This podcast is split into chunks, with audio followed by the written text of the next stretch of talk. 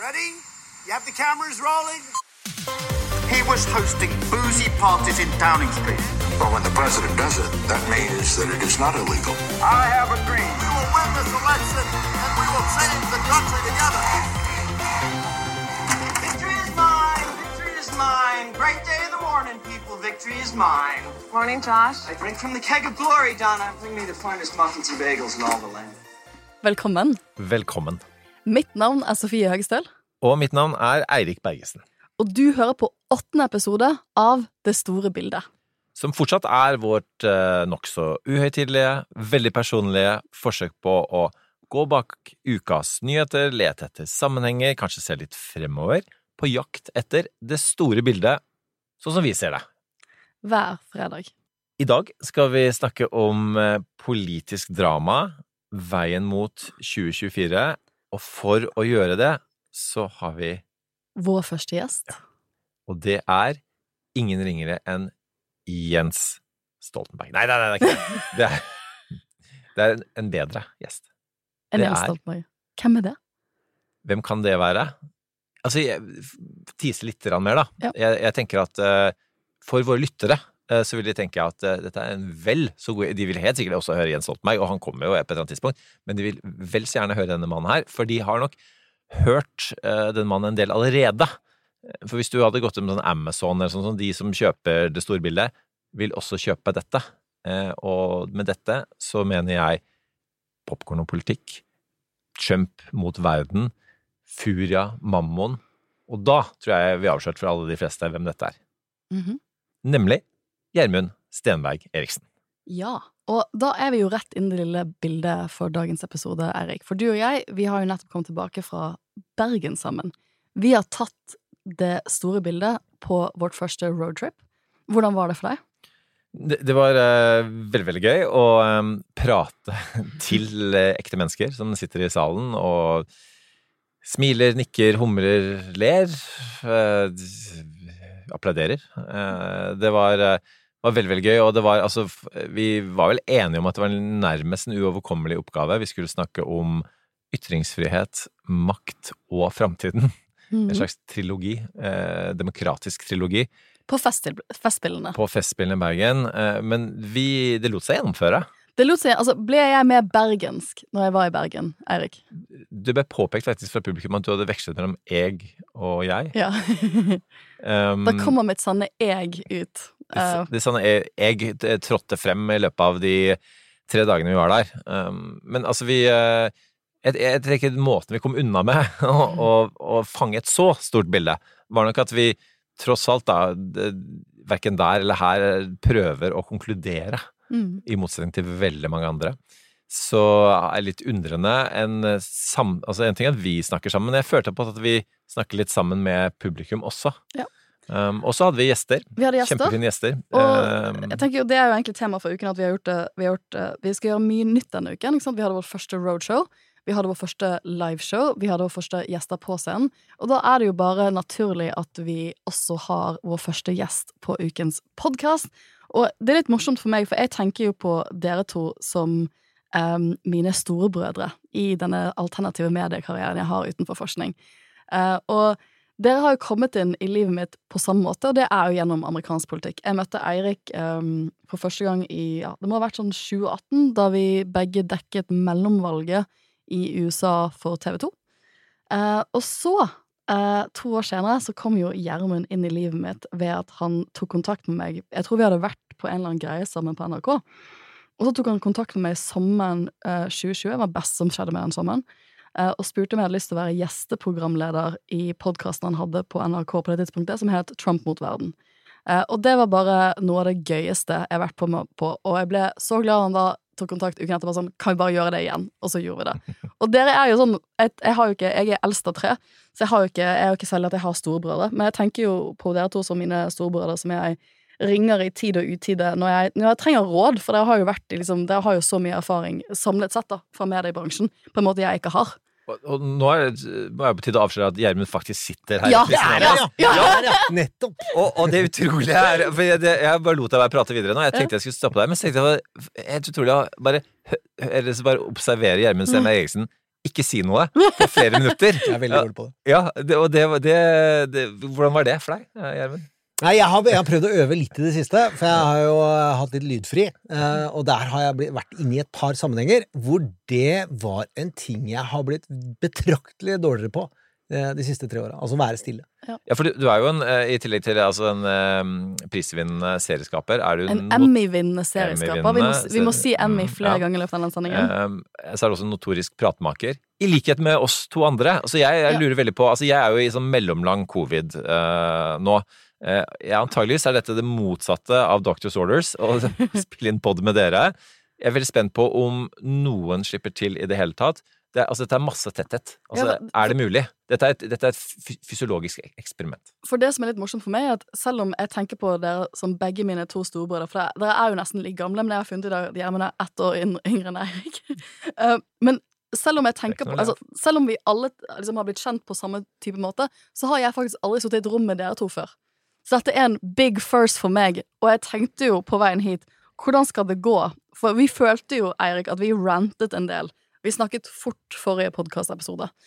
Eh, og så sa jeg jo på et eller annet tidspunkt jeg skal snakke sakte, det skal være mindre ranting denne uken her. Men jeg tror ikke det blir mulig, for Altså, eh, mellom oss tre så tror jeg det er mulig. Det minst effektive motmiddelet i så fall vil være å invitere Gjermund Stenberg Eriksen ned på poden. Men, Ja, det men, men det. har vi gjort, og en av grunnene til det er at, på en måte at sant, vi er jo Denne poden startet jo som en slags sånn derre apokalypse nå-scenario, Mm. hvor, hvor eh, ikke sant, eh, krig, eh, klim, klima Korona, eh, for så vidt. Eh, Alt har på en måte skjedd eh, på en gang. Og hvis man stirrer liksom ned i avgrunnen, og hvem andre vil vi gjøre det med eh, enn Gjermund? Vi er liksom på øde øy-scenario, Gjermund. Ja. Og så vi gleder oss veldig til dette. Fortell litt om, om hva vi skal snakke om. Um, det er veldig mye vi, vi har sagt tydelig fra til at vi, det, det rekker vi ikke, liksom. Så vi har prøvd å snevre det inn. Men vi vil hø- vi hører litt om på en måte hva du, hva du, altså hvorfor du lager politisk drama. Eh, altså hva fascinerer deg ved politikk. Og selvfølgelig USA 2024. Så vi kan jo begynne med det første biten av det store bildet denne uken, og det er rett og slett politisk drama. Da, da, da er det jo ingen bedre å snakke med enn Gjermund. Enn en som at- lager politisk drama. jeg mener at Gjermund lager Norges beste politiske dramaer i sine serier. Og Det, er- ta- det, det er for store ord, for selv for det store bildet og det store egoet til Gjermund. Eh, Men jeg, jeg jobber utrolig hardt for å prøve å få det til, og jeg syns det er utrolig vanskelig. Det er det viktige. Og måten vi ble tre har blitt kjent, så bare for å spore tilbake hva jeg legger i politisk drama, så er det jo at jeg er ekstremt opptatt av politisk drama i West Wing, i den fiktive verden i amerikansk politikk, og i den ekte. Så har jeg vært sånn heltidsnerd siden et eller annet sted rundt 2006-2007, hvor det er hver dag så må det inn amerikansk politikk, og jeg syns når det var kjedelig, så var det spennende. Og så kommer det da et post eh, rett før 2015-2016, og så er vi da tre som alle tre har syntes det har vært kjempespennende når det er helt vanlig. Så er det en verdensomspennende, helt gale-Mathias ting som skjer, nemlig at Donald Trump vinner valget. Eh, og da har vi alle tre våre ulike mikrofoner og våre ulike måter å ta det på.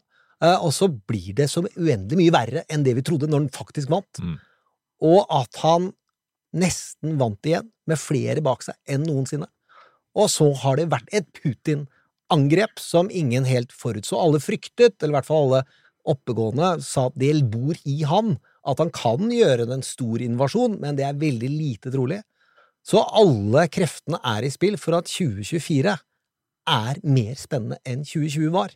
Og det var helt uutholdelig. Fordi det vi risikerer der, er jo at Trump kommer tilbake.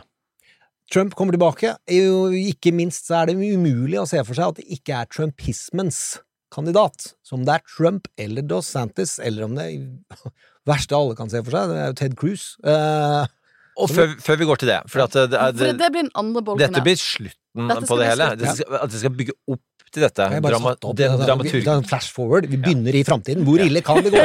Putin angriper alt i hele verden, og trumpismen vinner i 2024 i november, og alt blir ødelagt. Altså Dramatisk kurve, det, skal, det har du eierskap eh, på, så da stoler vi på deg der. At nå har vi teaset det. Men hvis vi går tilbake til begynnelsen, hvorfor elsker du politikk? Jeg er eh, ideologisk eh, lada fra pappa og mamma. Altså, jeg vokste opp i et hjem som ikke maser om hvem du stemmer på, eh, ikke så mye om valgkamper, men hvor samfunnet er interessant. Eh, og så har jeg da dratt på meg venner og kjente, igjen fordi man er en fyr som da diskuterer etter et glass vin fra man er elleve. Ja, jeg vil si det er litt tidlig med vin, men la oss si i hvert fall 16. Så har det alltid vært ekstremt politisk engasjement. Eh, Og til at jeg fikk en utrolig god tone med Sofie, så har jeg da vokst opp med utrolig engasjerte jurister som jeg har krangla med fulltid siden 1990, og som det er da også mine nærmeste venner, og som Sofie da kjenner godt, men ikke jeg visste at hun kjente så godt. Så den måten å være engasjert er den ene biten.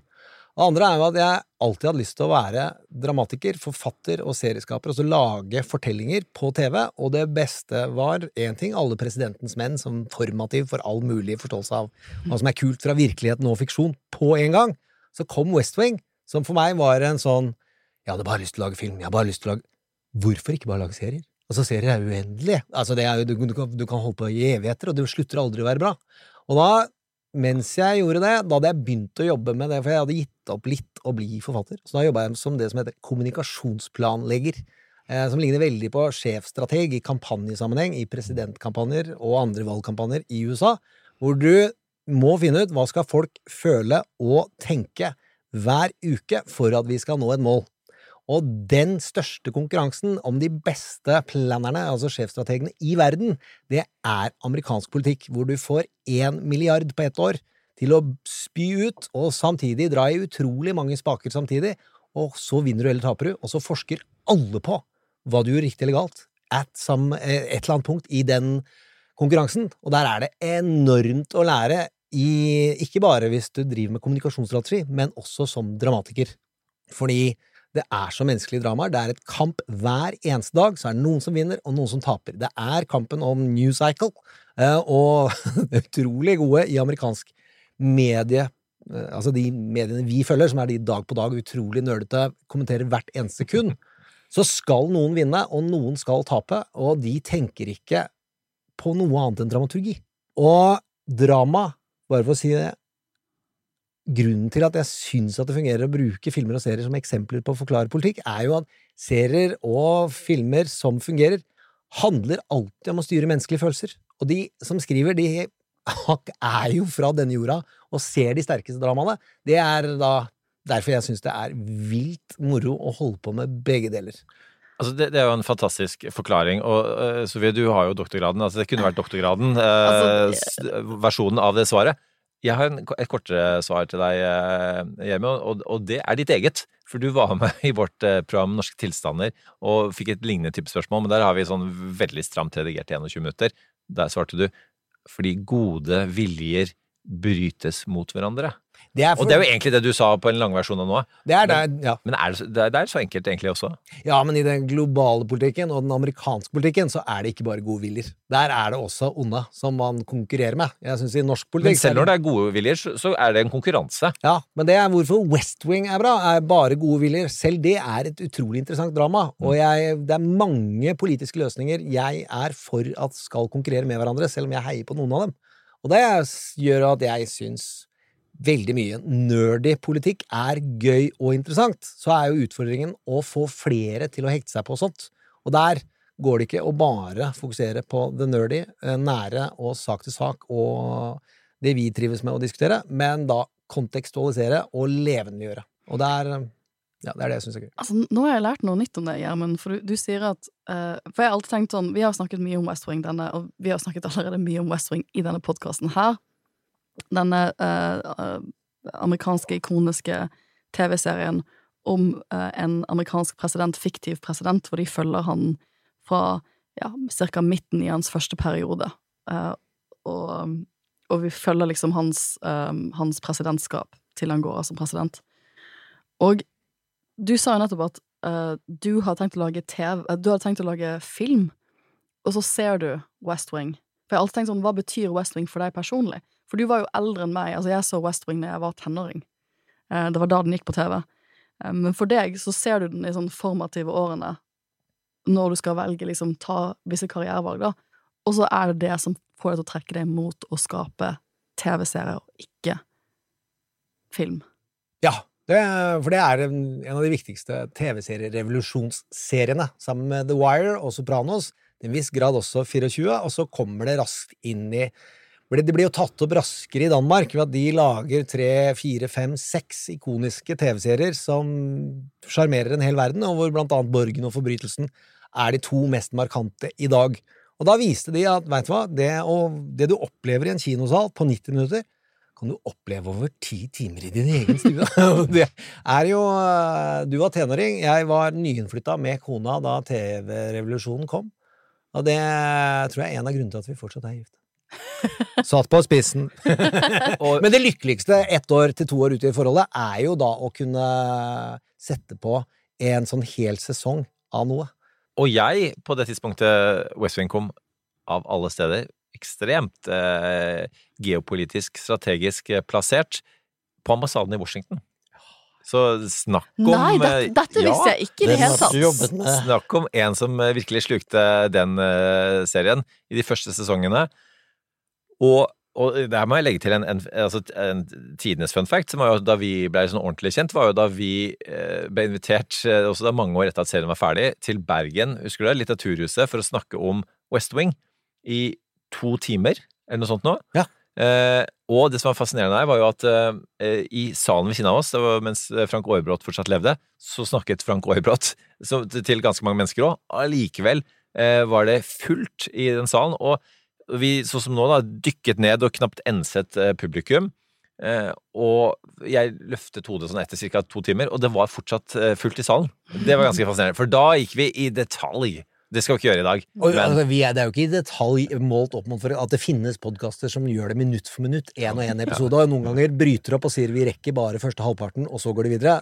Men nei, det er, vi skal ikke gå i detalj. Jo, men, men, men litt sånn bare altså, hva, hva er det som er fascinerende med måte disse skikkelsene i West Wing? For vi, vi har vært litt sånn inne på det. Det er en litt idealisert versjon av, av politikk. Det er det jo, men den uh, har da noen arketyper som kommer fra Inspirert av politikken. Uh, Aaron Sorkin er jo alltid så klok at han sier 'jeg kjenner til ikke noen ting'. Han tar den sokratiske posisjonen, at 'jeg har ingen idealisme', 'jeg har ikke noe agenda'. Jeg trengte bare å legge en serie litt til venstre for sentrum, slik at den kan engasjere og skape kafésamtaler. Nå har Aaron Sorkin lagd mye siden da, hvor vi alle ser at han er på venstresiden av demok Det demokratiske parti, ikke i den Twitter-venstredelen, som er uhåndterbar og direkte skadelig for gjenvalgsmulighetene. Det som, vi, det som den gjorde, hvis man tar effekten først, så er det en hel generasjon eh, idealister og folk som blir interessert i politikk, som går ut og former verden. Og som andre ord så traff han på noe som gjorde at folk søkte mot politikk. Og du fikk Obama-generasjonen. Alle satt og så på West Wing og syntes det var gøy, og de kunne håndverket sitt etter hvert. Eh, Det jeg tror han traff på, er jo at han nettopp har skjønt at det er å gjøre de menneskelige Josh Lyman syns jeg kanskje er det beste eksempelet. At den som er tredjer øverst, det er han som hjelper chief of staffen, han er ikke perfekt. Men han prøver alt han kan, og det er veldig gjenkjennbart at hvis på gode dager når vi prøver å få til, og så går det litt ned Det er veldig deilig å kjenne seg at når Josh ikke får det til, så gjør ikke vi det heller. Og så får han det til litt godt innimellom eh, allikevel.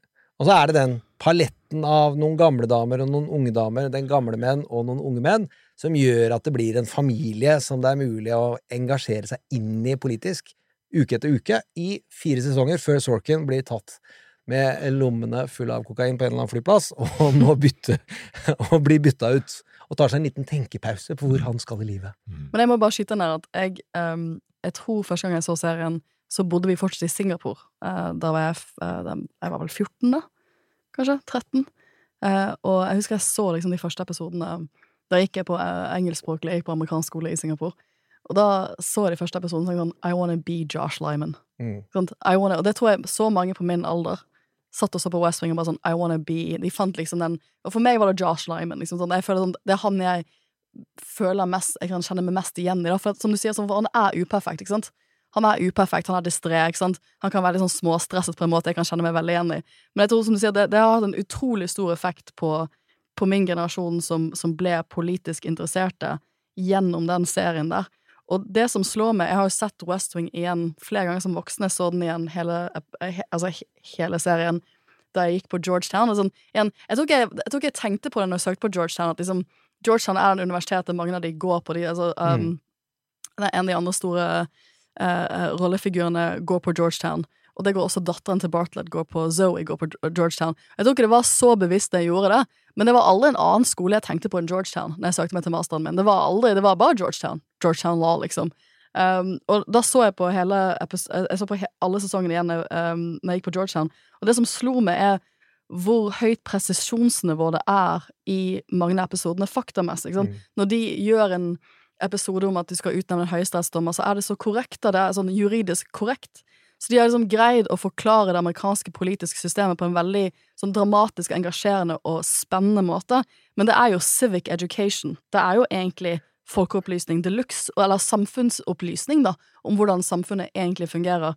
Og det er det få andre serier, tror jeg, som har hatt samme type effekt, da, sånn læringseffekt, hvis du ser på det. Ja, de har, men de hadde også da De har taleskrivere fra både Bush og eh, Reagan eh, og Clinton-administrasjonen som kommer inn og rådgir, og du har en som vi har blitt, jeg ble kjent med gjennom podkaster og gjennom seriene jeg har laga. Eh, så utrolig fan at jeg ikke skjønte at han faktisk ville snakke med meg på en eller annen fest, så tør, bare gikk jeg videre. Så, eh, så Du, du turte ikke å snakke med han? Eli Atty heter han, og han er en av de som har skrevet mye for Sorkin, og med Sorkin, og skrev i jubileet. Og det at de har ekte politisk håndverkserfaring, og vet hva det betyr, og måtte da ta et fenomen for sin presidentkandidat, eller guvernør eller senator, og så skal du gjøre det populært. Det gir jo da Sorkin input på hvordan kan vi dramatisere dette fenomenet så det blir interessant. Så det er der jeg tror det var en fantastisk eh, samspill rundt Sorkin og hans skriverom og de som tok over, som gjorde at det godt nok til at du ikke får eh, Så fa- fantes ikke Twitter, Twitter, det var veldig deilig det òg. Så man eh, det går ikke å hamre løs på 'det ville ikke skjedd sånn', og 'det ville ikke skjedd sånn'. Men det som gjør at det, hele verden ser tilbake på West Wing med så stor interesse, og som noe godt ved idealismen, er jo at Obama vinner etterpå. Ja. Og det er Mm. West Wing sier at det går an å kunne snakke så folk engasjerer seg og hekter på. Det går an å ha noen gode intensjoner og få satt de ut i livet. Og det er ikke så mye praktisk og markant politikk den hovedpresidenten, den fiktive, får satt ut. Han har Kongressen imot seg i seks av åtte år. Eh, han har for så vidt godkjent noen høyesterettsdommere. Eh, alt krøllet vi har lært under Trump, og egentlig under Obama, det skjer inni den serien. De store reformene får han ikke til, og det er en viss sånn sorg i motoren rundt han. Så får vi Obama, og så ser vi at sånn er verden. Og det er der jeg syns virkeligheten og fiksjonen funka. At noen ganger så går det stang inn, og siden eh, 2016 så vil vi vel si at mye har vært stang ut, og ballen har punktert. Men det som er også litt interessant, dette med, med du er inne på dette med øh, hvor virkelighetsnært disse seriene er. Fordi Matt Santos var jo Ja. visstnok inspirert, altså den øh, latinske karakteren. Um, De turte ikke ta en svart, de ville måtte ta en latin, eh, Ja. latino, fordi svart ville vært usannsynlig. Og så ble Eli Atty og David Axelrod eh, Eli Atty er jo da eh, taleskriver, og, men jobber i West Wing, og David Axelrod er da sjefstrategen til Obama. De snakker sammen på det konventet, Ja. hvor han holder talen. hvor Obama holder Ja, talen, for ikke sant? dette Og hvor presenteres for Dette 2006. USA og verden. Ja, Ja. dette er 2006. En, ung, en pur ung Obama går ut på scenen som er, på liksom det som er um, landsmøtet da, til det demokratiske partiet i 2006. Går ut og holder en, en Han får lite taletid. Det det, er ofte, altså det er så mange som taler på disse landsmøtene. For landsmøtene altså, i USA er bare x antall større enn det er i Norge, for det er et land med 320 millioner Det er mennesker. Spektrum ganger to. Det er Spektrum ganger to. Og han får liksom den lille taletiden, og han bare går ut, and he just like, he just kills it. Han bare tar hele rommet. Sånn, og det er bare hopes. Det er, liksom, det er starten på hans presidentkampanje. Og da var han jo sånn ikke veldig kjent, you know, ung senator. Hadde tapt et, han jo, han prøvde å bli kongress, han tapte jo et kongress, lokal kongressvalg før han ble valgt inn i senatet. ikke sant? Han hadde ikke sånn great track record av å vinne valg. Men så er han president to år senere, og det, sånn, og det hadde nok ikke skjedd på samme måte uten Matt Santos, som da er For det er kanskje mine favorittsesonger. Og er 24. Altså at Palmer, som Ja. er svart i 24 Altså det at serier går foran, åpner opp hodet, det er også det samme som er i liberal... Nå svinger jo pennen her tilbake når det gjelder homofili og aksept i USA, men at det er komiserier som løfta og vifta fram. Vet du hva, det er helt greit. Get used to it. Eh, gjorde at eh, Obama også måtte hive inn håndkle på det. Men det, Dos Santos er jo den store. Så tror jeg Laura Palmer varma opp folks følelser. Vet du hva, det kan, det kan komme svart på toppen. Men det som også er interessant, er jo at uh, virkeligheten ble jo verre, si, eller mer spektakulær, Altså- enn til og med altså, eh, Sorkin på, på crack i Las Vegas, hotellrommet sitt. Og det er, for det er jeg litt interessert i. Eh, han som skrev noen originale House of Cards på nordiske mediedager for noen år siden, ble spurt om hvordan lager du politisk drama, så sa han eh, For han hadde også jobbet for Thatcher og sagt at eh, man tar virkeligheten, og så tar man vekk eh, det mest absurde. For at det er ikke, folk tror ikke på det. Eh, Og er, ikke Gjermund, er ikke liksom, altså noen ganger, altså Virkelighetens politikk, som du også har en viss befatning med, du, du, Mm. du, er, du følger Arbeiderpartiet tett, for eksempel, eh, den er jo egentlig enda mer eh, crazy.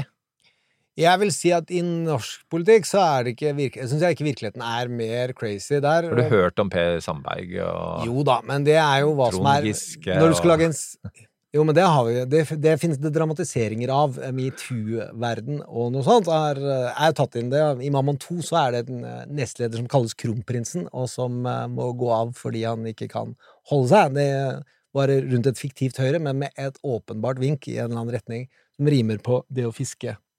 Men i eh, det som man Når vi filma, for eksempel, Mammon 2, og så gjør vi jo Seim utrolig stilig. Vi har Ingar Helge Gimle som kommer inn i dresser, og alt skal se ganske lekkert ut, for vi prøver å markere oss globalt og konkurrere med Borgen og West Wing og internasjonalt. Og så og vinner, jo dere vinner jo. med- Dere vinner jo. Altså, og vinner. Men da står det jo tre av partiledere med sekker og allværsjakker på utsida og så ser på at vi filmer. Og det hadde vi vist at sånn går norske politikere ofte på jobb, så syns jeg det er utrolig vakkert. Men da blir det sånn ja ja. Vi tar oss ikke så Vi markerer oss ikke så hardt. I der hvor han eh, har jo helt rett, han som snakka om House of Cards. For da var, var jo det i starten på Trump-verden, og hvor utrolig galt det gikk. Så, eh, så er jeg jo enig. Ja, for det, hvis, vi, hvis vi spoler tilbake nå, for det, det er jo litt det som skjer, at du har liksom West Wing eh, blir ferdig i sånn 2006 eller noe sånt, da. Mm. Og, sånn, og da kommer egentlig Obama på scenen, og da har nettopp West Wing hatt to sesonger hvor de har bygget opp Matt Santos som presidentkandidat. Um, you know, um, uh, han, er, han har minoritetsbakgrunn, han har ikke en profilert bakgrunn, men Josh Lyman kommer da inn og plukker altså, liksom får bare et 'that's my guy'-moment med han. Plukker han ut, sier at 'you have to run for president'. Og så, jeg elsker de sesongene, for da, da du får liksom hele bakteppet hvordan er det å ha en sånn scrappy campaign hvor du ikke er frontrunner, du er ikke favoritten, og så vinner du tross alle odds, da, så, og, og, og, du, og så skjer det in real life rett etterpå.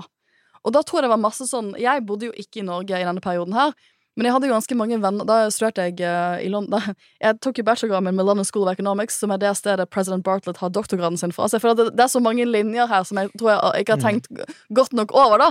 Men da hadde jeg en del venner, en, en del gode amerikanske studiekamerater, og de hadde alle vært volunteers for Obama den sommeren 2008.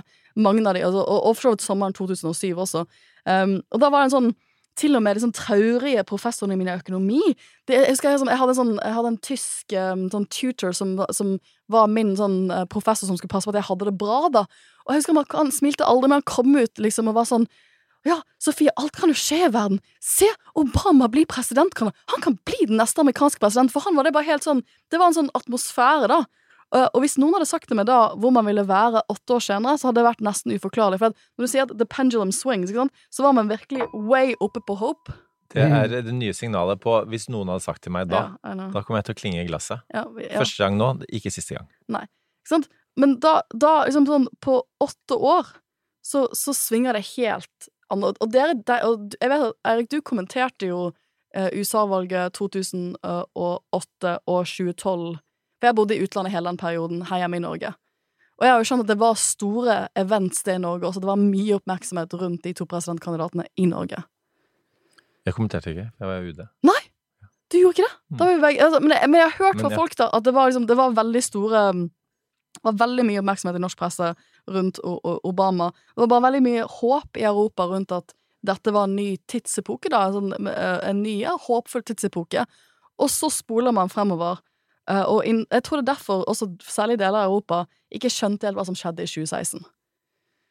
For det, det, det, det var så langt utenfor det vi var, hadde, hadde tenkt på som normalt. Og i dag eh, jeg føler sånn, Nå sitter vi her seks år etter det igjen, og er litt sånn herdet. Vi er herdet av de siste Vi er preget av de siste seks årene. Og, ja, men du spurte meg sånn hvis, hvis vi hadde vært i West Wing nå, hvilken sesong er vi i? Hvor er vi nå?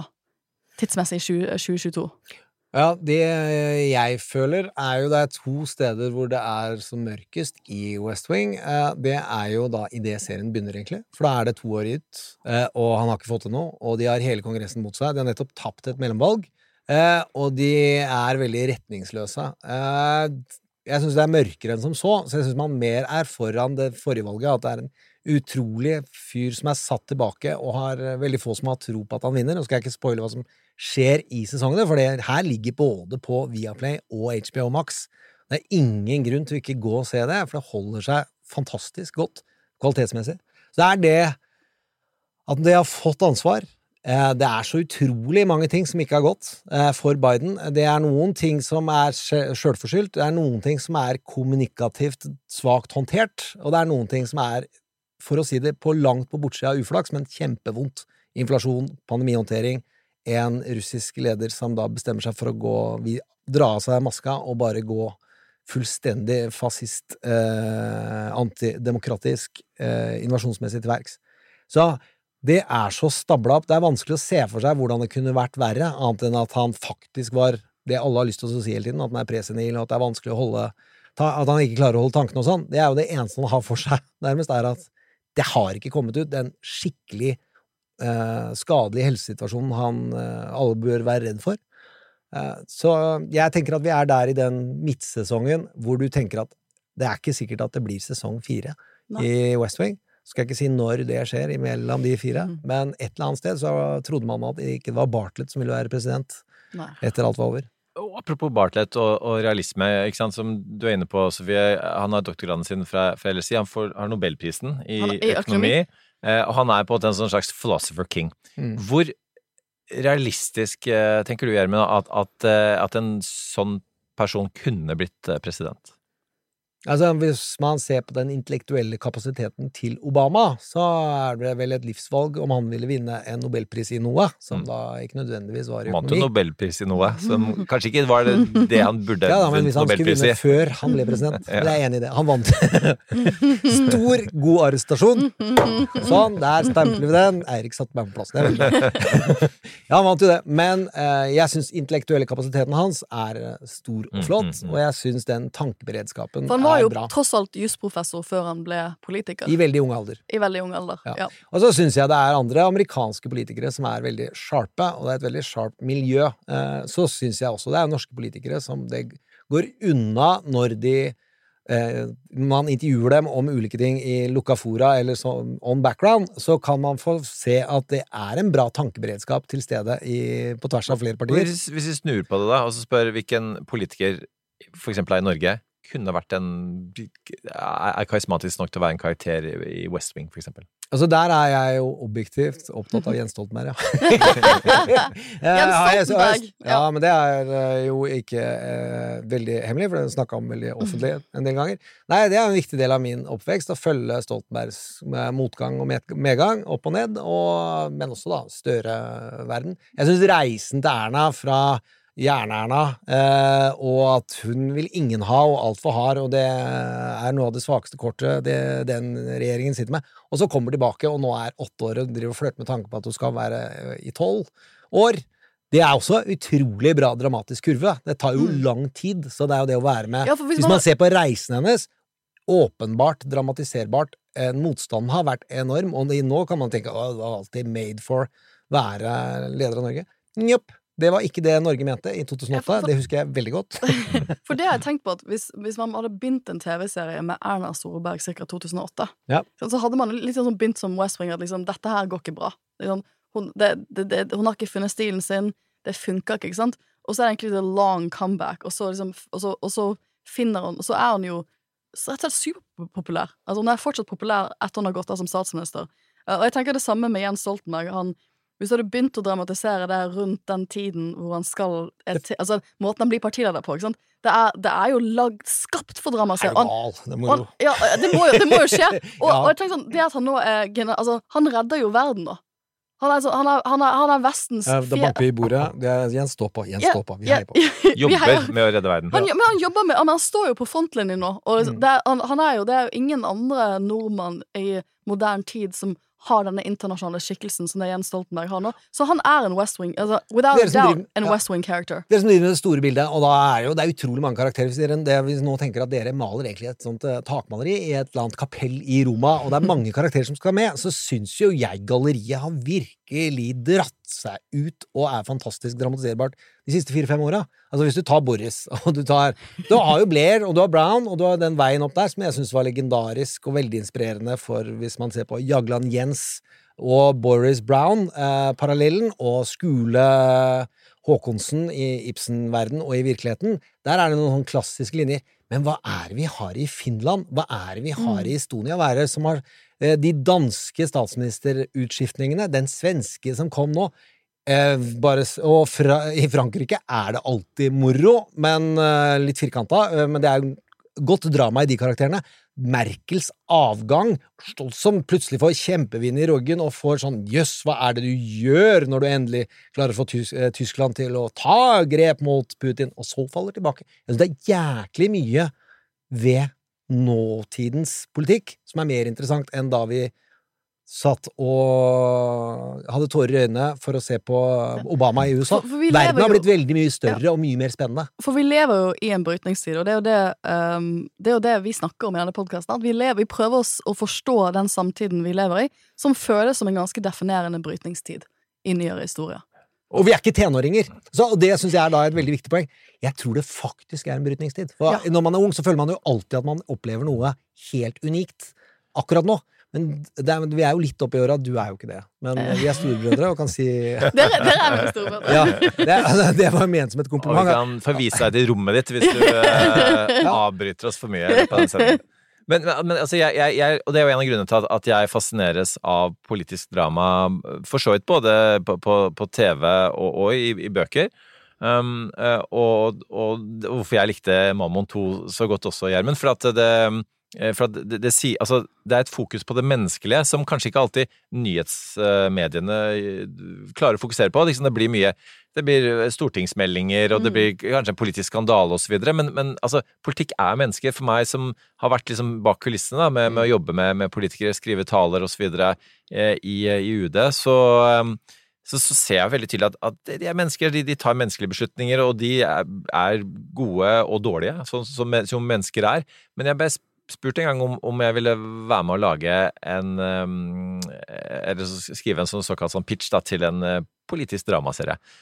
Og så da var det, det var like etter at House of Cards kom, så var det noen som var veldig inspirert av det, sånn som man gjerne gjør i TV-verden. Da skal vi gjøre akkurat det samme, bare Mm. på norsk. Eh, og, så, og så sa jeg at nei, jeg tror ikke på det. Fordi ehm, Frank Underwood, da, som er hovedkarakteren, er jo den veldig sånn kyniske og så videre, og, og, og, og minner om, og er vel delvis inspirert av Lyndon B. Johnson, uh, for eksempel, i USA. Uh, men, men jeg er mer interessert i den historien med altså, hvordan Frank Underwood ble Frank Underwood. For jeg tror ikke på dette at, at politikere kommer inn i politikken som, som kyniske maktspillere. Jeg tror på det at eh, de kommer inn fordi vi Det var vi faktisk snakket om eh, i på poden vår før, Sofie. Og nå skal jeg få en litt sånn pling, for det har vi også sagt mange ganger før. Eh, Selv bare på åtte episoder. eh, at eh, Carl I. Hagen fortalte meg en gang at, at eh, kollegaene hans i Frp den gangen de bare kom inn i politikken fordi de skulle bygge en garasje, og så fikk de ikke lov til å bygge den eller bygge den så stor som de ville, så ble de kjempesure, og så meldte de seg inn i partiet og ble politikere.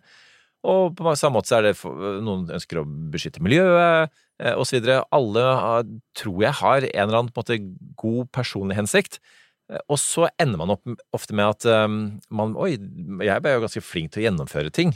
Eh, Og så blir man fanget av spillet, og så blir man en, en slags player som, som får ting, og så er til slutt eh, målet hellige midlene. Man blir så god på midlene, og så ender man litt opp, og dette er en referanse til, eh, til en film, München, hvor de spør seg selv til slutt hva var det egentlig vi holder på med her, hvorfor gjorde, gjorde vi dette her? Eh, hvorfor eh, drepte vi av disse palestinske kanskje terroristene?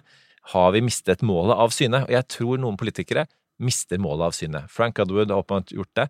Kanskje Håkon Lie fra tid til annen mistet målet av syne. Og den historien syns jeg er litt interessant. Uh, og den er jo ja, en annen referanse. Uh, Gudfaren er jo ikke det, det ikke det akkurat eh, som, som skjer der med Michael Corleone. At han er en good guy, til og med. Og så blir han den verste av de verste.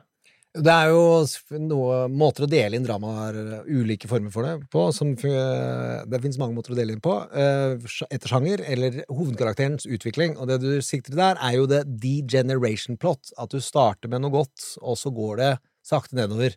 Den, eh, så er jeg jo litt usikker på om det kan gjøres flatt på alle politikere, eh, og at noen ikke mister eh, Blir mer glad i middelet, men du mister evnen til det første du sa, nemlig at det må være menneskelig. Altså, du må, hvis du skal engasjere folk i politikk, så må du forstå at det er menneske først, og at det er en menneskelig vilje, og at det har effekt for mennesker. Og det er det Sorkins hovedagenda når han begynte å gå inn i eh, politisk drama, var å si at først så må vi få folk til å føle for menneskene, og så kan vi bli interessert i det politiske som skjer i serien etterpå. Og det er det Adam Prise også dro ut som hovedinnsikt som han ville ta med seg inn i Borgen, og som egentlig da er da talepunktet som alle som driver med politisk drama som det er mulig å finne på internett, for jeg har sett utrolig mange av dem, er det du står igjen med. Du må føle noe før du drar i gang saken og makten og kampen om det. Og da er jo én vei ta hovedpersonene nedover, eller så tar du dem eh, oppover. Eh, og at de blir bedre mennesker gjennom motstand. Og i eh, den serien du skal lage, så skal du ha begge deler. Du skal ha en som vokser, og en som går nedover. Eh, og så kan du spørre deg sjøl om du skal ha en hovedperson, eller om du skal ha et ensemble. Og der vet jo ingen helt hvem Sorkin mener er hovedperson i West Wing. Jeg er helt sikker på at det er Josh Lyman. Jeg tror tror jeg også det er Josh Lyman. Ja. Ja. Og det er da en Jesusfigur han drar der. Eh, For Josh og Joshua heter jo, ligger jo ganske nærme hverandre, og presidenten har da dette gammeltestamentlige ved seg, og har en farsfigur for Josh, og det handler om en reise hvor han skal frigjøre seg fra sin far. Og det, du må tenke på disse tingene. Åh, nå må jeg se på West Wing. Altså, nå må jeg se på Vestbyng. Jeg er på tredje runde. Hva er du på, Sofie? Fjerde eller femte. Gjermund? Mange? Det er et eller annet sted mellom fem og sju. Men jeg ser på det som For meg så er det trening. eh, Og, og, og nå måte. kunne vi ha sittet de, de to timene som vi hadde i Bergen den gangen, vi men vi skal nå inn eh, på, Ja, på virkelighetens si Du sa jo politikk. degeneration plot. Altså når du tar noe, så går det sakte, men sikkert nedover. Er vi inne i en degeneration plot? Da trenger vi en jingle, for nå er det Trump Watch 2024. Quiet, quiet, quiet. You are a rude, terrible person. For vi tenkte at det andre delen av det store bildet i dag, det er jo veien frem mot presidentvalget i 2024. Og selv om det føles lenge til, så begynner jo ting å koke nå. Eh, og Gjermund, du sa jo at du trodde at liksom vi var i den sesongen av West Wing hvor ting ser ganske dårlig ut i begynnelsen for Bartlett, og så snur ting etter hvert. Mm. Tror du at ting kommer til å snu for Biden frem mot 2024? Vet ikke om det snur, men jeg holder det ikke umulig at demokratene kan vinne i november 2024. Men at det ikke finnes veldig mange dager der man eh, hadde det som i 2016. At ja, Hillary kommer til å ta hjem det her. Det her går bing! Uh, Comey letter. Ok, det kan bli vanskelig, men vi ser at dette kan gå. Altså, det blir veldig få sånne dager, tror jeg. Jeg tror at den polariseringen og radikaliseringen man ser rundt det republikanske partiet, som starta å virkelig piple ut i 2015 og 2016 med Trump, at det var ikke plass til anstendighet. Det var bare en frieri til eh, det hvite, rasefiendtlige, eh, som fikk masse kred etterpå, at det handlet jo om den økonomisk tilbakesatte hvite middelklassen. Men det er Valgforskningen viser farge hadde mye å si, misnøye så klart at det fortsatt har vokst og vokst og vokst, og gjennom eh, 2020 at Trump fikk flere til å stemme på seg enn noen gang. Et angrep på demokratiet, som vi alle har sett eh, Capitol Hill 6. januar. Og var, der var det kanskje 14 dager hvor vi tenkte vet du hva, nå kan det kanskje gå at de tar et oppgjør. Kanskje, kanskje. Mitch var kanskje på den saken å prøve seg i 14 dager, som er lederen i Senatet, Mitch McConnell. Eh, McCarthy han var der i tre dager, og siden da har det vært fire som har gått imot Trump. og to av dem er borte, og to er igjen, og Liz Cheney er høyst usikker om hun er der etter november. Og etter det så er all organisert motstand i det republikanske partiet gone. Ja, for du sa du kalte det for angrep mot demokratiet. Altså, dette vil i så fall oppfølger Oppfølgeren er til det- dette vil jo bli det ultimate angrepet på demokratiet. Altså, dette er jo demokratiets dommedag, vil kanskje tittelen på en sånn eh, film het. November 2024. Ja, det er Judgment Day for Democ Democracy, Doomsday. Det er noe med dommedag, og i Det er eh, Spoiler alert. Kjenner dere Vi for Vendetta-filmen? Ja, ja. Som handler om hvordan fascismen har vunnet, og noen må da starte en ny revolusjon. Spurte oss akkurat om vi kjenner Vi for Vendetta. Ja, men jeg prøvde å fortelle til Jeg regner med at du har lyttere òg, som da kanskje ikke hører, og da vil jeg bare si det. Remember, remember the 5th of November er et av kjernediktene i den filmen, og det er 5. november demokratiet står på valg i 2024. Med andre ord, det er den siste dagen, kanskje, for det amerikanske demokratiet. Det er, som er store ord som både vi alle tre her har brukt i ulike sammenhenger, men det er helt reelt. Forrige gang så prøvde de med et statskupp, denne gangen så kan amerikanske befolkning vinne. Altså, eh, det, Donald Trump og trumpismen kan vinne og Ja, demontere seg det, selv. det vi snakket, og det snakket vi litt om i, i forrige episode, det var at altså, USA er et topartisystem. Og jeg får jo ofte sånne spørsmål, det får sikkert dere også, hvorfor ikke bare lage et nytt parti? Og det er jo fordi at valgsystemet de har i USA, det gjør det veldig vanskelig å skape nye partier. Eh, For i USA så stiller du til valg i såkalte enkeltmannskretser, da. La oss si at du har lyst, du er Obama, du har lyst til å bli senator. Da stiller du til valg i hjemmestaten din, eller i Illinois, der du bor. Eh, og da, er det, da, er det, da stiller du til direktevalg mot andre personer om én plass i Senatet. Og da enten vinner du, eller så vinner du ikke. Eh, og hvis du da får 45 av stemmene konsekvent overalt, så får du null plasser. For det er den personen som har fått mest stemmer, som vinner alle setene. Og det gjør det veldig vanskelig å skape nye partier. Det er, mindre, det er jo vanskelig i Norge også, vi har også barrierer for det i Norge. Men det er, hadde dette skjedd i Norge, og det har jo skjedd for så vidt, eller det har ikke skjedd på den måten her, men det har jo skjedd i Norge at uh, Venstre gikk jo gjennom et veldig smertefullt skillelse på 70-tallet etter EU-spørsmålet, for eksempel. Det har jo skjedd, det skjer jo. I, i, det skjer jo i norsk kontekst, og det er lettere for nye partier å etablere seg av valgordningen vår. Hvis du stiller til velg i Oslo, for eksempel, så konkurrerer du jo generelt sett om da 20 stortingsmandater. Så så lenge du får egentlig 4% av stemmene i Oslo, så får du en stortingsmandat. Liksom, til forskjell fra hvis det hadde vært en amerikansk valgordning, så hadde du trengt å få mest stemmer av alle. Um, og det betyr at det er vanskelig å skape nye partier, og da har du et topartisystem, og da er det så viktig når du har et topartisystem i et så stort land, at begge partiene er sunne og friske. For det føles Det, det blir en demokratisk krise hvis en av de er syke. Eh, og vi sa jo, eh, jeg sa jo mye under presidentvalget i 2020 at eh, det republikanske partiet er forkjølet. De er kraftig forkjølet. Spørsmålet er om dette blir en, altså en, en, en, livsfarlig lungebetennelse for partiet, eller om de greier å kaste av seg dette viruset og bli friske igjen. Og dette er en utfordring for Eirik og, og meg når vi kommenterer amerikansk politikk, for det at jeg syns jo det er gøyest å kommentere amerikansk politikk når begge partiene er friske. Jeg vil ha spennende kandidater både for republikanerne, jeg vil ha spennende kandidater for demokratene, og så kan det bli en sånn idé og eh, id, altså idékamp, hvem, eh, politikkamp, issueskamp om reelle saker, ikke sant, med to gode kandidater. eh, som kan meningsbryte om det de bryr seg om i offentligheten. En sånn idealisert valgkamp som vi ser i West Wing, for eksempel. Å, det hadde vært deilig. Det hadde vært Jeg, Ja, altså, jeg savner Romney. Men altså, det, 2012. dette her høres ut som en eller annen film som jeg ikke har sett, for å si det sånn, for dette er jo virkelig ikke virkeligheten. Altså, Nei, nei, men- men altså- jo, men forkjølet, det er jo for, en snill beskrivelse. Altså, I TV 2 kalte vi det Ikke i 2020, da, sa jeg. Jo, det men er jo, men likevel. Det. På TV 2 kalte vi det undergrave demokratiet. Ja, eh, og vi ja. hadde jo en prat med eh, Fredrik Gressvik, vi hadde han på scenen nå i Bergen. Det hadde vi. Og, og da, det, var, det som var litt interessant der, var jo dette med fordi, fordi, som sagt, eh, han sa det, jeg sa det med diplomatiske ordelag.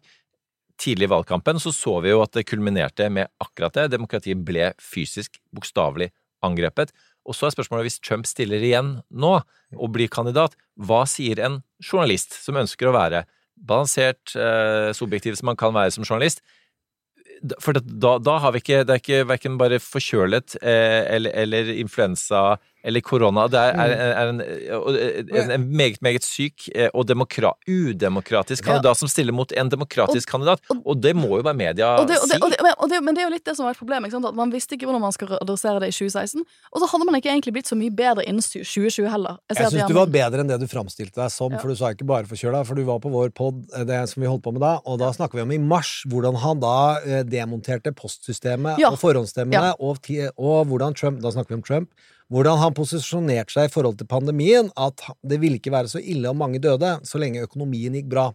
Og eh, andre grep han gjorde for å manipulere det endelige valgresultatet, og alt tydet på at han ville nekte å gå av. Åpenbart, for han nekta jo å godta valgresultatet da han vant! Som er mitt og Seltzers og Sofie og Bergesens favorittpoeng. Favorittpoeng! Han nektet å godta Og lanserte en undersøkelseskommisjon for å se nærmere på hvorfor han ikke vant mer. det har vi bare glemt, ikke sant? Han, Men hvis vi tar den ondskapen i medias uh, iboende uh, falsk balansetilnærming til Ja. verden uh, Den nøytrale posisjon går ikke i 2024. Man må forstå at man må være på parti med demokratiet. Nettopp. Og man må kalle ut Trump-sidens ja, det, manipuleringsteknikker og løgn. New York Times tok tre år før de kalte løgnen hans løgn. Mm. Altså, da var vi for det, langt det er jo litt det jeg tenker på sånn frem mot 2024. Da, sånn Måten vi skal beskrive et, dette valget på, det, det blir det kommer jo veldig an på hvem den republikanske presidentkandidaten er, da. Men det er mye som tyder på nå at det, man kan ikke beskrive den kandidaten med normale ord. For det, liksom, jeg tenkte jo veldig det, altså, jeg, du, du og jeg snakket jo masse om dette i Trump mot verden-podkasten.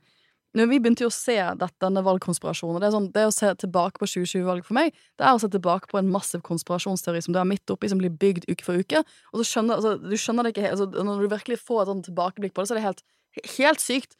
Og det at, det, det at um, man har en Men så trodde jeg liksom etter stormingen at dette her var så ekstremt. Og nå har republikanerne en mulighet til å kvitte seg med han for godt, for de kan rett og slett, i alle fall de i Senatet, for de i Senatet er mer moderate enn de i Underhuset, for de kan rett og slett impeach him, og da kan han ikke stille til valg igjen, og da kan de kvitte seg med denne kreften. Og så, ja, det vil ta ti år før de vinner et presidentvalg igjen. For det er litt sånn som, Da mister de sikkert en del velgere, og da kommer de ikke til å kunne være konkurransedyktige i- i et eh, presidentvalg. Men hel, herregud, liksom, det er det, that's what democracy is asking of you. Og så skjer det ikke. Og- det, nå sa du kreft, og det er ikke så dumt eh, sagt, fordi eh, Jeg det er dårlig gjort mot kreft. Ja, Oi, oi, oi. Altså, det, er, det er en plass til mørk humor her. Jeg har nettopp mista min pappa, så, og det, er- det er målet av dødelig sykdom. Så det, det, er, må, man må kunne fleipe med ting, eh, selv om det er dødelig. man må det. Og, og, og det er et godt poeng, eh, Gjermund, for øvrig. Og, eh, og, og man merker, da jeg mistet min far av kreft, så skjønte jeg jo virkelig virkelighet, viktigheten av faktisk å måtte spøke med sånne ting. For at det, det hjelper. Eh, Og eh, du nevnte Vi for Vendetta i stad. Eh, Jeg har hentet min satire-credo derfra. Altså satirikeren Gordon, spilt av han- Jeg, jeg klarer ikke å si navnet, jeg er så glad i han- Scenen er helt fantastisk. Dere, du legger ut scenen via den YouTube-greia på din Facebook, deres Facebook-side, ikke sant? Det gjør jeg. Ja, Ja. Um, uh, spilles av en av de fantastiske fra den Stephen Fry. Stephen Fry. Stephen Fry spiller eh, satirikeren Gordon eh, og blir spurt Is everything a joke to you? Og svarer No, only the things that matter. Jeg får tårer. Jeg får tårer med en gang. Og jeg er utrolig lettrørt. Så det, og det betyr ikke Men den, den er til å grine av, både den og Stephen Fry i den filmen og i uh, Petters venner, som er da jeg møtte han første gang. Men hvor ville du Nei, hvor ville du? Det var vel ikke du som hadde ordet? Ja, data, det kan vi godt si. Eh, jo, Hva det, det var tilbake til hvilken me hva mediene kan Sånn gjøre, og ondskapen. Jo, konspirasjonsteorier var jo det man ble anklaget for hvis man sa at han driver faktisk og bruker eh, Demonterer postsystemet for å forhindre redde demokrater, som da er tar flere vaksiner og vil overleve mer, eh, for å redusere deres muligheter til å stemme. Det ble sett på som konspirasjonsteori. At han gjorde dette valget, putte sitt eget partis medlemmers liv i potten for å vinne. Å, nei, det er en spekulasjon, og så ond er han ikke. Det ble gjennomdokumentert med Bob Woodward, hvor han innrømmer det på tape. Det er nesten ingenting som jeg kommer på som er påstått om Trump fra anstendige kommentatorer de siste tre åra som det ikke er dokumentasjon på. Eh, Det eneste vi mangler, er en tape fra Moskva. Og, og, og da husket jeg eh, det jeg skulle si i stad, fordi eh, om nettopp Nixon så ble det jo sagt at han var eh, a cancer in the White House Ja, av hans partikolleger. Eh, Og, og, og Trump er jo verken forkjølelse eller influensa eller noen ting annet enn en, en cancer som kommer til å ba, ikke bare sluke partiet, Ja. eh, fordi de klarer ikke å kvitte seg med han, som de klarte med, med Nixon, men han sluker hele, hele demokratiet i en tid hvor vi virkelig trenger demokratiet det- eh, mot, eh, mot Putin, og hvor demokratiet faktisk har eh, altså return of democracy. Eh, dette er sånn Star Wars-style slått tilbake igjen. Vi er på. Empire Strikes Back. Ja. Er det er film er det, fem. ja. Det er vel helt klart.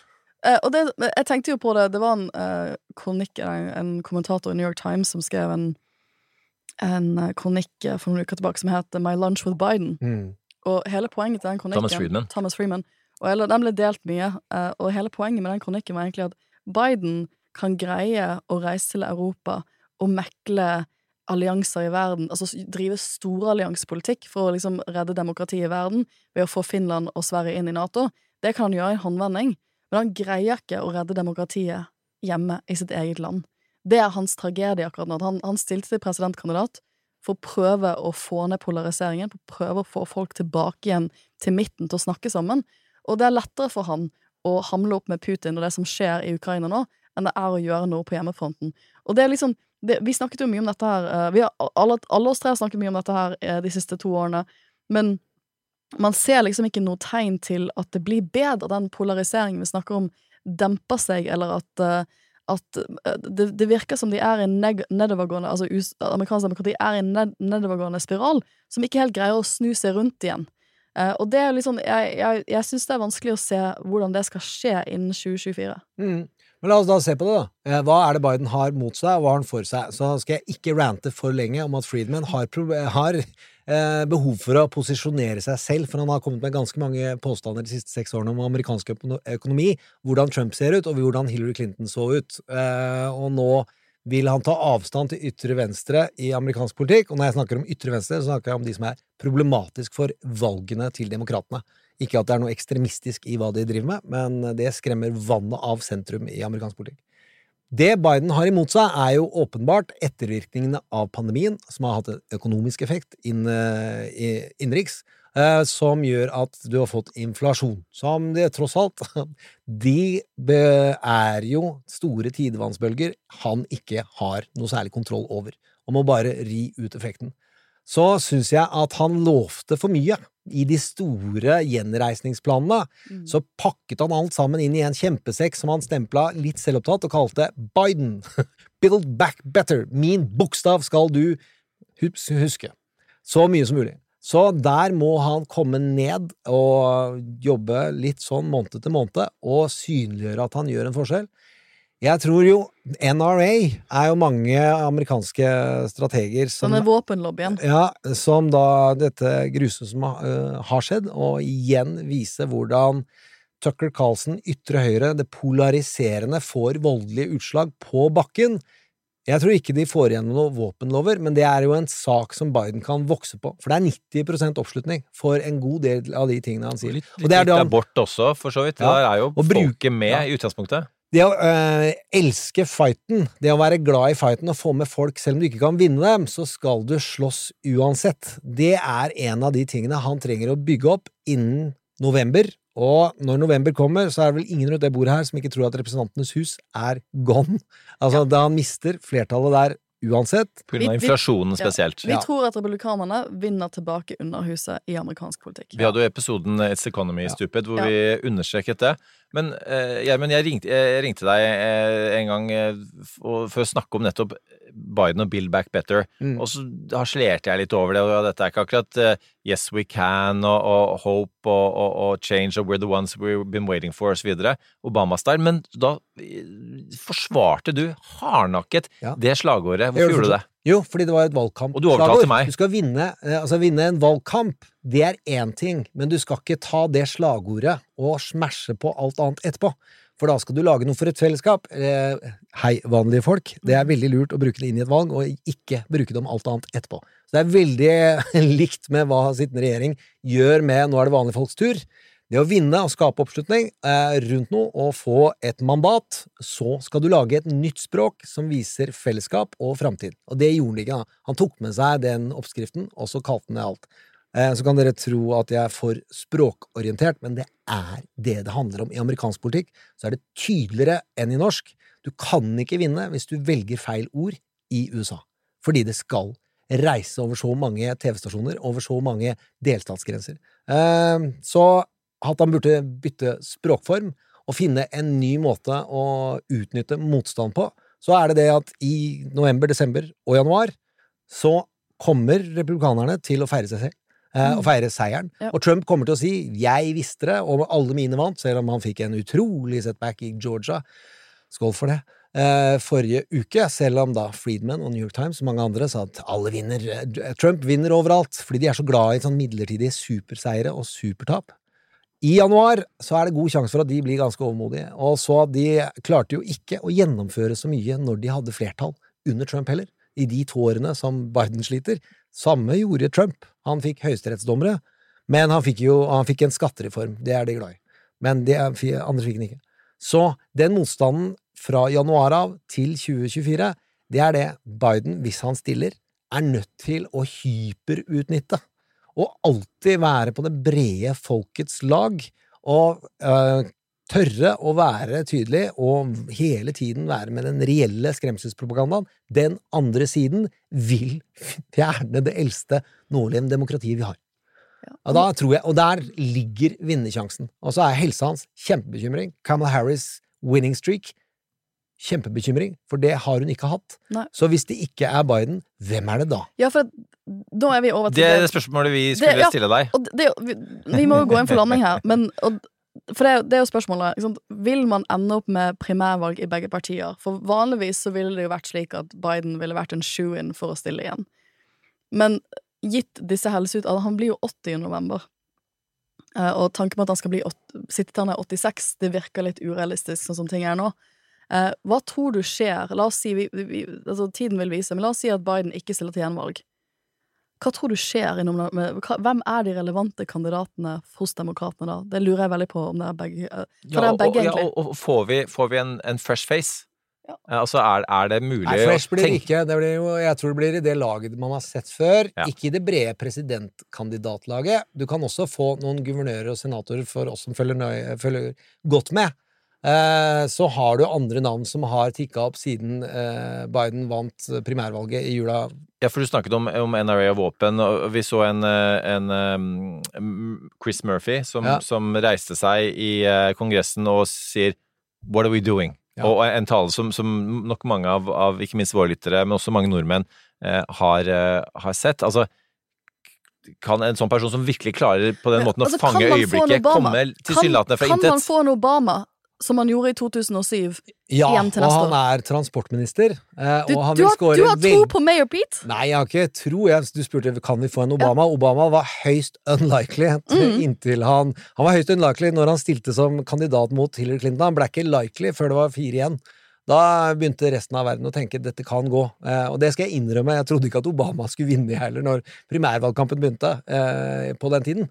Pete Buttigieg mye av, har mye av den historien i seg. Eh, og så er det mange ting som taler for at det ikke skal gå, og så er det noen ting som at det kan.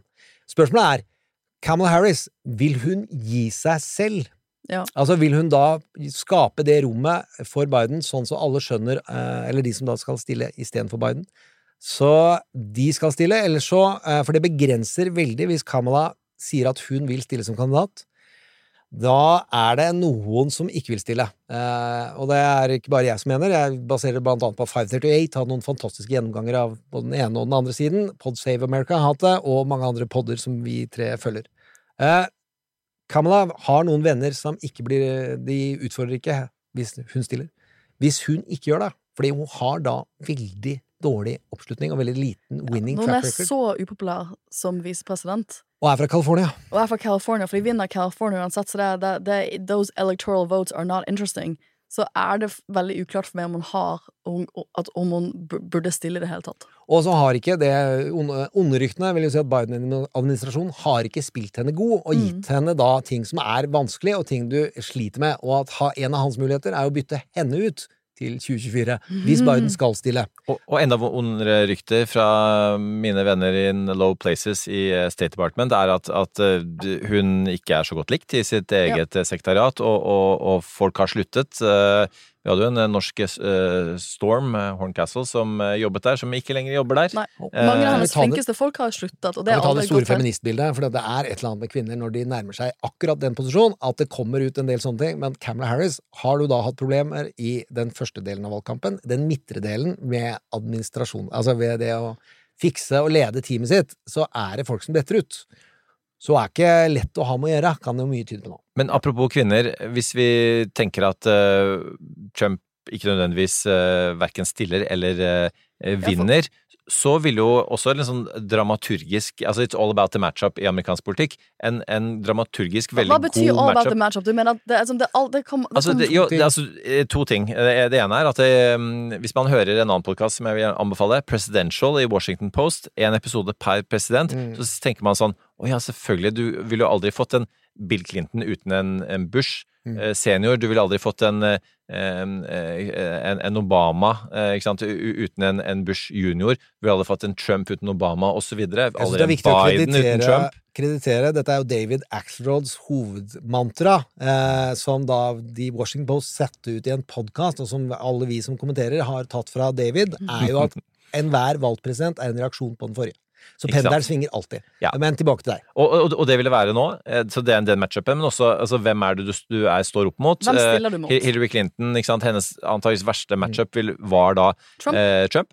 Eh, men hvis da, eh, hvis da republikanerne motprogrammerer en Cameron Harris med en Nikki Haley, som på en måte har klart det utrolige kunststykket å å være litt tett på Trump og allikevel holde litt avstand fra Trump. Hun var FN-ambassadør mm. eh, for Trump en periode, eh, og er sånn tilsynelatende passe moderat, og, og, så ville det vært en fantastisk comeback for republikanske partiet, som vi nå har sagt vi nærmest har avskrevet, ved å, å velge henne, og kanskje til og med men, kunne vinne valget. Men er de, er de for syke ja. til å velge noen som henne? For det er jo spørsmålet. Ja. Greier de å velge For hun hadde vært en demokratisk kandidat. Nikki Haley liksom hadde vært en demokratisk kandidat.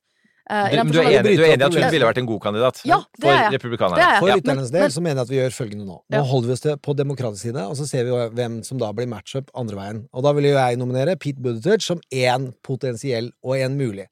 Jeg syns også Gavin Newsom, som er en uh, fyr Jeg tenker han er for liberal, men ja. Det er han, men han er kommunikativ, så han er veldig republikansk i auraen. Så han er utrolig god er på sør, visuelt, taler, og så har han det liberale alibiet i orden. Uh, så det er da Dette er da de som jeg ser kommer langt ut fra siden.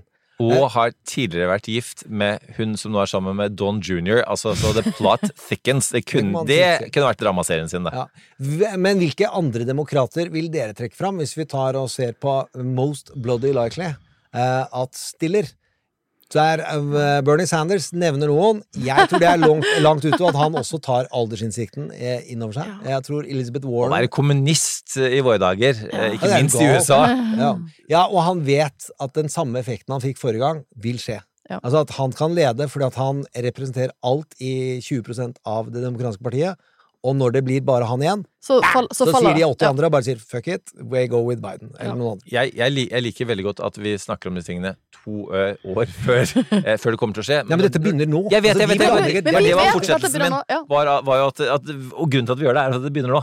Uh, you heard it here first. Du gjorde ikke det engang. Ja, du må begynne nå, hvis du skal finne pengene og ha kampanjer. Ja, hvis du skal være en seriøs kandidat ja. i 2024, så begynner gamet nå. Og det er derfor vi, det er derfor vi Det er derfor alle oss tre kommer til å bruke masse tid på å se på hvem er det som plutselig kaster seg inn og reiser rundt i landet, kanskje særlig alle vippestatene, og driver valgkampanjer for lokale Er de i Iowa? Oi, kommer det til bok? Ja, for det, uh, Gir ut bok, ikke sant? Det var da jeg skjønte Kamala Harris skulle stille til presidentkandidat. Hun gir sånn, der, en sånn dum politisk bok ikke sant? om seg selv og sine visjoner, og plutselig hei, hei. driver med masse campaigning ikke sant? I, i, i en del stater som hun har ingen interesse av, egentlig da vet du at da er det en liten testrun for president, for du har lyst til å bygge opp kjennskap til det lokale politiske partiet og rammeverket, og folkene, ikke minst, ved å drive litt valgkamp for dem i mellomvalget, sånn at du er klar til presidentvalget om to år. Uh, så dette skjer nå. Jeg syns det er veldig vanskelig. Jeg synes det er veldig vanskelig å se. Altså, Mayor Pete er nok også den, Jeg, jeg har sett han live. Mm. Han har en, en aura uh, Han har en aura. Jeg har sett han live i en uh, lilla stat. Hvor eh, jeg møtte en del eh, folk fra det republikanske parti, lokale republikanske partiet dagen etterpå, og de var litt sånn eh, Han ene var Trump-tilhenger, han andre var liksom på vippen. Men selv om han Trump-tilhengeren var sånn Mayor Pete, ja, det er liksom the whole gay thing, but that's not really that important anymore. Og han, han er nok, fordi han kan snakke om kristne, konservative verdier, som han kan He's been in the military, ikke sant? Han har en del sånne, sånne ting som appellerer til moderate og tradisjonelle republikanske velgere. God match, veldig god matchup for en uh, Donald Trump. Og så har vi den uh, som er spillet på det, det er jo den kommunikative siden, er han veldig god på. Uh, retorisk så har vi jo nå fått Zelenskyj, som plutselig bare har feid Obama og ganske mange andre legendariske Altså, han har pika alt. Pete er rett under Obama, ekstremt levende i én-til-én og i store taler, og er veldig god til å beherske det. 538 sitt hovedpoeng eh, for hvem som kunne utfordre i det demok- demokratiske partiet, så er idealposisjonen å ha, være farget og ha ganske runde demokratiske verdier. Det vil si at du ikke er tydelig posisjonert i sentrum Altså, ha, eller på ha minoritetsbakgrunn. De mener at eh, Georgia-kandidaten som vant i Senatet, uh, husker jeg ikke hva navnet hans er, Ja, han, han, er en, han Ja. er en type Obama. Han er litt sånn uh, gjort mye bra, ikke helt tydelig på hva, hvor han står. Han har jo blitt valgt i en veldig konservativ stat med Mm. svart farge. Det er kjempestort. Det, det dro også opp New York-ordføreren, som jeg tror ingen vinner fra ordførerposisjonen lenger. Nei. Men allikevel som et Warnock er det du snakker om. Ja, i Georgia. Uh, Og Warnock er også et navn som blir nevnt. ja. Og det, er- det er jo håpet. Og da får man kontrasten til Biden. Hvis du skal vinne med noe annet enn Biden, så er det anti-Biden Ja, i det- det det demokratiske partiet. være- Noe ungt, gjerne med farge. Det vil, det, vil, det vil jo være ganske ekstraordinært i moderne tid at et, um, at et parti som har sittende presidenten, ikke går videre med den kandidaten til neste valg. Så det ville også vært Vi ville fått masse å kommentere på det. Da blir det jo Mm. primærvalg på begge sider. Men vi skal ikke lande hele den diskusjonen nå, for nå skal vi gå inn på landingen for denne Ja, episoden her. altså, dette kunne vært én episode hver uke helt fram til Ja, herregud. Jeg, har- 2024, jeg har laget en podkast som handler bare om det. Men det, altså, Og det kan vi- være du vi- gjør. Ja, men vi Og skal da jo inviterer du oss. Ja, Mm. og vi, altså, vi kommer til å invitere deg tilbake for å ta tempen eh, om amerikansk politikk i ny og ne. Vi pleier å avslutte våre episoder med ukens av- og påkobling.